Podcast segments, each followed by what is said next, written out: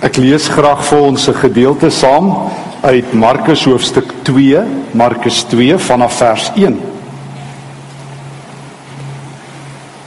Toe Jesus na 'n paar dae weer in Kapernaum kom, het dit bekend geword dat hy by die huis is. Baie mense het daar saamgedrom sodat hulle selfs by die deur, sodat daar selfs by die deur nie meer 'n plek oor was nie. Hy was besig om met hulle oor sy boodskap te praat. Daar kom toe mense wat 'n verlamde man na hom toe bring. Vier van hulle het hom gedra. Toe hulle hom weens die gedrang nie by Jesus kon kry nie, breek hulle die dak regbokant hom oop en nadat hulle opening in die dak gemaak het, laat hulle die draagbaar waarop die verlamde man gelê het, daardeur afsak. Toe Jesus hulle geloof sien, sê hy vir die verlamde vriend: "Jou sondes word vergewe." Maar sommige van die skrifgeleerdes het daar gesit en hulle afgevra: Waarom sê hy so? Hy praat mos godslasterlik. Wie kan sondes vergewe behalwe God alleen? Jesus het dadelik geweet dat hulle dat hulle by hulle self so redeneer. Hy sê toe vir hulle: "Wat redeneer julle by julle self hieroor? Wat is makliker? Om vir die verlamde man te sê jou sondes word vergewe of om te sê staan op en loop?"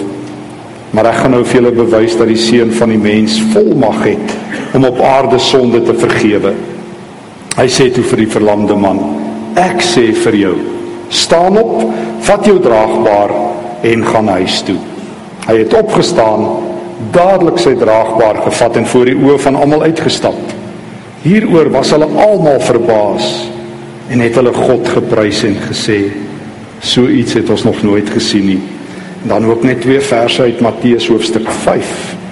Matteus 5 tegnies 3 vers 14 tot 16 van Matteus 5.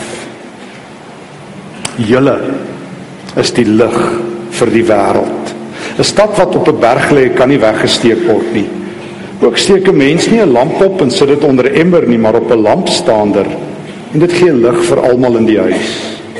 Laat julle lig so voor die mense skyn dat hulle julle goeie werke kan sien en julle Vader wat in die hemel is verheerlik. Mag elkeen wat die Here se woord gehoor en gelees het, deur die Gees aangeraak word om dit 'n lewende woord te hoor.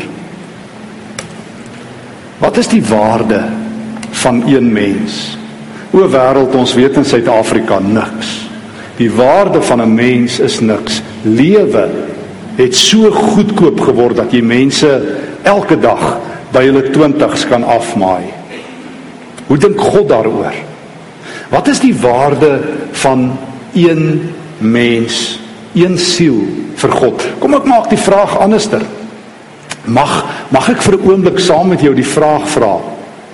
Sou Jesus aarde toe gekom het as net een mens, die verlamde van wie ons gelees het in Kapernaum, as net hy ooit tydens Jesus se aardse optrede tot bekering gekom het.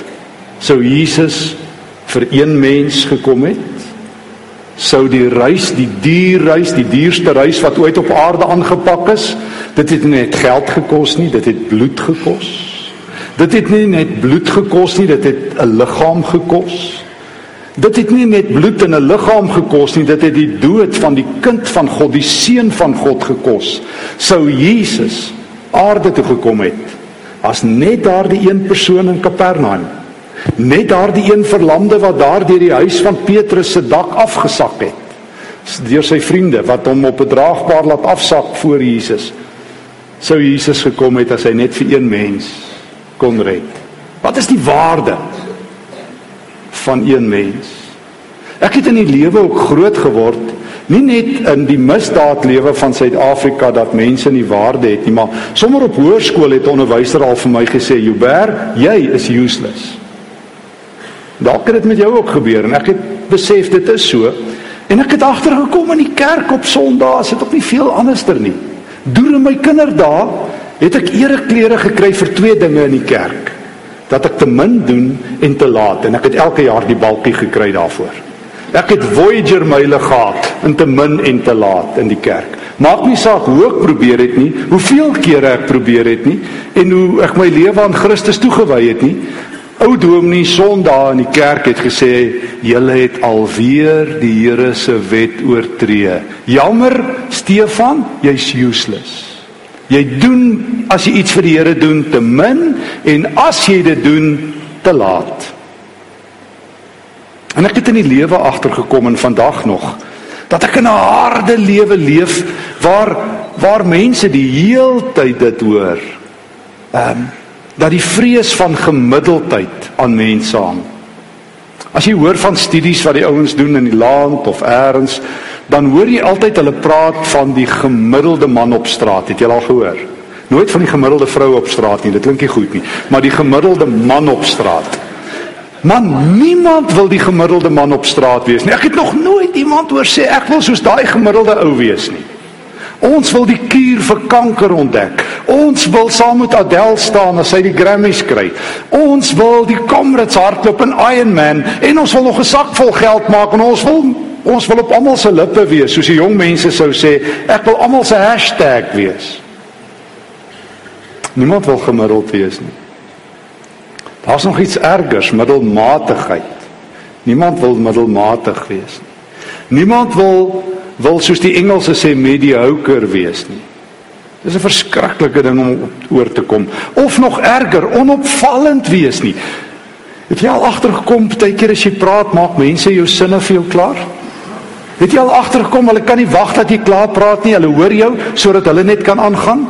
Jy's onopvallend. Ek onthou ek my studente daar die storie gelees van die onopvallende man. Hy het um, in die staatsdiens in Pretoria gewerk en in Sunnyside gebly en hy was onopvallend. Niemand het eintlik saak gemaak nie. Hy sy verslag vir sy baas gegee het, het die baas dit maar eenkant gesit en dit oorgedoen. Net dan sy woonstel gebly in Sunnyside en toe besluit hy eendag hy so onopvallend, hy gaan maar selfmoord pleeg. En toe het hy daar op die dak geklim van die woonstel, toe dink hy hy moet dit eintlik maar nie doen nie want die koerante sal nie eens weet hy het gespring nie want hy is so onopvallend. Toe dink hy ag hy moet dit maar doen en toe spring hy en soos hy spring dink hy by homself dit was daar nou nie 'n goeie ding nie. Maar toe besef hy hy's nou regtig onopvallend. Feit is daar's iets erger as om gemiddeld te wees en middelmatig te wees en onopvallend te wees. Dis om 'n mislukking te wees, om useless te wees. En ek het dit gehoor by um, my onderwyser. Ek het dit beleef in die kerk en ek het dit beleef in die samelewing en dit gaan nog steeds aan. En ek onthou ek het regtig na die Here toe gegaan en sê Here, wat is die feite? En toe sê die Here, Stefan, ek moet vir jou sê jy is useless. Dis nog alles skok geweest dat die Here dit vir my sê. Ek moet saamstem. Jy is useless, maar daar's 'n verskil. Ek kan iets vir jou doen. Ek kan eintlik net vir nuttelose mense iets doen want nuttelose mense maak vir Jesus saak. Mense wat so verlam is dat hulle nie eens op hulle eie voete kan loop nie. Mense wat so diep geval het dat niemand hulle kan vang nie. Mense wie se lewe so gemors is dat hulle in die donker moet gaan wegkruip sodat ander nie weet nie. O, dit is Jesus se mense. Dis vir wie hy die hemel geskeur het en aarde toe gekom het. En dit is hoekom individue vir Jesus saak maak. Nee, vergeet van individue. Dis hoekom jy saak maak. Daardie dag in Kapernaum, daar in Petrus se woonhuis toe die dak breek en die lam man afsak en daar konsternasie is. Ek bedoel terloops. Ehm um, wat sou jy gedoen het as dit jou huis was? Dit lyk nie soos in die kinderbybel as hulle 'n dak breek nie. Jy weet wat gebeur. Daai dakke was gemaak van strooi en riet en en en en klei. Ek vermoed daar was nog 'n wonderwerk of twee nodig daai dag soos alles val op mense. Dit ek onthou die kinderbybelprentjie wat ek gesien het sit Jesus met sy heilige hande en dan sak die man af en almal sit so rondom hom kyk so met sulke ge, gebede hande. Dit het nie so gelyk nie. Vertrou my, dit het nie so gelyk nie. Jy sal weet as iemand jou huis se dak breek. Dis chaos. En ek weet hoe raas Petrus se vrou want sy weet wat kos loodgieters in Kapernaum. En dis duur en Hier kom hierdie man af en almal is 'n bietjie ontstel. Kon hulle maar net geklop het nie. Kon hulle maar net gewag het by die deur nie. Maar die nood is so groot van hierdie nuttelose man op die draagbaar. Wie se lewe nutteloos is. En toe hy daar afsak, toe sien Jesus hom raak. En hier's die ding. Hier's die ding. Jesus het gekom vir die individu vir die persoon wie se lewe so nutteloos is dat sy bene lam geword het, dat hy nie meer kan loop nie, dat sy lewe uitmekaar uitval. Dis Jesus se mense. En dalk is jy ook daar. In die samelewing is jy dalk gemiddeld, dalk middelmatig, dan dalk onopvallend, dalk selfs 'n mislukking. Want die lewe het 'n manier om dit vir jou te vertel. Maar hoor hier. Jesus kom vir nuttelose mense. En toe daardie dak breek, toe stop die hemel. Maar as 'n tweede ding. Jesus doen altyd eerste dinge eerste. Hy doen altyd eerste dinge eerste. Toe daai man so voor hom afsak en almal verwag, sy vriende verwag Jesus moet sê staan op en loop, toe sê Jesus die skokkendste ding ooit. Jou sondes is vergewe. En dis waarvoor die koning van die hemel gekom het. Hy het gekom om die pad na mense toe te bou, na daai een mens toe. Nee nee, na jou toe. Jesus het gekom. En daar's 'n groter probleem.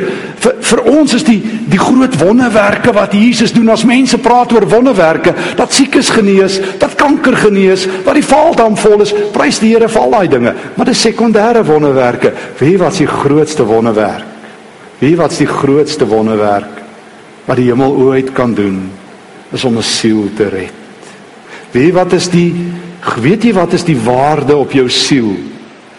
Dat Jesus sou gekom het al is jy die enigste persoon wat hy ooit kon red. Sê nou, sê nou die hemel sou net een aardse persoon gehad het. Sou Jesus gekom het. En daardie dag in Kapernaum illustreer hy dit deur te sê eerste dinge eerste. Het in die hemelse boeke gaan kyk. Daar's 'n doodsertifikaat in jou naam. Weet jy wat? Dit is vir my niks sê Jesus net hier naam vir jou te sê staan op en loop nie. En hy doen dit om te wys. Hy sê maar weet jy wat, jy gaan maar weer doodgaan. Maar die grootste dood wat mens kan sterf, hoor mooi, die grootste dood wat jy kan sterf is die dood tussen jou en God. Daar is so baie mense wat hier rondloop en haal asem en hulle lewe maar hulle is dood in God se oë. Ons leef in 'n wêreld van dooies tussen lewende lyke. Mense wat asemhaal, suurstofdiewe, maar maar in God se oë 'n doodsertifikaat. En daarom breek die koning van die hemel en hy sê, ek het vir jou goeie nuus, ek het die boeke herstel. Ek het vir jou goeie nuus. Ek het die hemelse boeke verander. Jy leef. En daar is 'n nuwe inskrywing, 'n nuwe geboorte in die hemel. Jy leef eerste dinge eerste. Die grootste wonderwerk. Die grootste wonderwerk wat God kan doen is om 'n verlore mens te red. 'n Mens wat kan ek dit sê nutteloos is, soos my onderwyser gesê het, useless is. O wêreld. Jesus hou van nuttelose mense. Soos 'n ou vriend vir my altyd sê, as Jesus disippels begin soek, begin hy op die ashoop. Hy begin in die donker. Hy begin by mense wat so verlore is, so stikkend is dat hulle spreek woordelik en letterlik op 'n draagbaar lê. Hulle kan hulle self nie help nie. Weet jy wat? Jesus het nie deur 'n katalogus geblaai vir voortreffelike geestelike presteerders soos wat die skole maak as hulle kinders gaan haal. Het jy al agtergekom skole werf nie useless kinders nie. Hulle soek kinders wat die beste presteer. Jesus doen nie dieselfde nie. Hy gaan nie deur 'n katalogus vir die beste godsdienstige presteerder. Hy vra nie in gemeentes wie's die persoon wat die meeste geestelike onderskeidings het, die vinnigste geestelike 100 meters kan hardloop. Dan maak hy hulle leraars nie. Hy gaan al useless mense. En dan red hy hulle. Dan maak hy hulle splinternuut. En dan herstel hy die hemelse boeke. En weet jy wat? En dan sit vir hom goed genoeg. Ek lees nou die dag 'n storie en ek het dit by my jongste dogter, sy's 'n dosent in grafiese ontwerp en sy vertel dit vir haar studente daar by die Universiteit van Pretoria. En ek het die storie by haar gaan kontroleer. Ek lees nou die dag van 'n ou met die naam Philippe Stark. Hy sit eendag in New York en hulle eet vis. En hy probeer suurlemoensap oor die vis uitkry. Nou ek weet nie of jy dit al probeer het nie. Dis lewensgevaarlik. Veral as jy 'n bril op het. Suurlemoensap het 'n wil van hulle eie. As jy suurlemoensap druk, dan sprei dit. En hy besluit hy gaan 'n suurlemoensap uitdrukker maak sodat die vis dit reg kry. En daar teken hy op 'n servet hierdie dingetjie, dis so onderste bo traan in silwer bekend as the juicy salif vandag. Dit het so beroemd geword dat hierdie servet waarop hy dit geteken het in die Alessi Museum in Milaan is. En een van hierdie sogenaamde juicy salifs, hierdie silwer traan met drie pote soos 'n seekat in die New York Museum of Modern Art is. Dit is die een van die mees gesogte items. Ek dink as jy een kan kry, gaan jy nie onder 2000 dollar kry nie, die oorspronklik is. Dis verskriklik in. Daar's net een probleem dit werk nie. Jy kan geniks hier lemoensap oor 'n vis kry met daai ding nie. Niemand gee om nie. Niemand gee om nie. Dis in museums op uitstalling en dis die derde ding. Die derde punt. Nou kan jy gaan skyn vir Jesus. Weet jy wat? Hy het jou gered en jou in sy kunsgalery gaan sit. Jesus se eerste woorde was as hy jou gered het, nie gaan doen iets vir my nie, gaan skyn vir my. Ek het jou lief, volg my. Hy kan nuttelose mense nuttig maak, maar op sy terme. Nee nee, Jesus het nie elke jaar 'n prestasieklausule en sê Stefan, ek wil hê jy moet dit dit en dit doen nie. Jy is maar useless, maar weet jy wat? Ek sit jou in my kunsgalery om te wys wat kan God met 'n nuttelose mens maak.